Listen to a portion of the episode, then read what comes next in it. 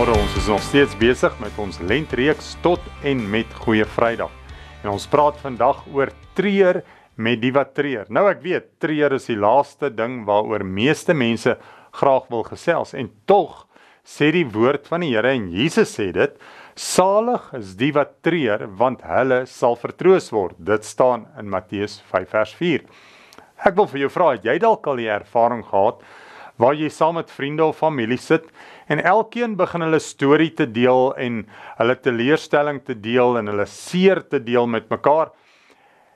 En dan voel dit aan die begin baie ongemaklik. Maar is dit nie interessant dat wanneer die trane vloei en ons met mekaar begin deel dat daar groter begrip vir mekaar ontwikkel nie. Dit bring ook mee dat mense dan nader aan mekaar kom en dat hulle met mekaar hulle hartseer kan deel en uh, uh, uh, genesing daaruit kan ervaar. Dit wat soms so moeilik is om alleen mee te deel, word ewe skielik soveel makliker want dis gedeel en ons dra mekaar se laste. Nou hierdie soort gesprekke maak dit makliker om ons pyn te verwerk en te prosesseer. Want aan die begin is dit moeilik om te praat, maar as jy eers begin luister en uitvind hoe 'n ander persoon dit ervaar, dan kom jy agter maar ons is nogal in dieselfde boot. Nou onthou ook dat pyn is eintlik net 'n indikasie dat daar iets fout is of dat iets gebeur het. So dit help my om te identifiseer, maar ek kan nie daar bly nie.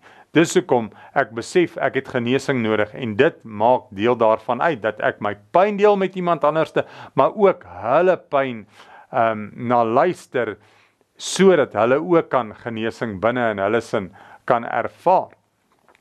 Nou besin 'n bietjie in hierdie week.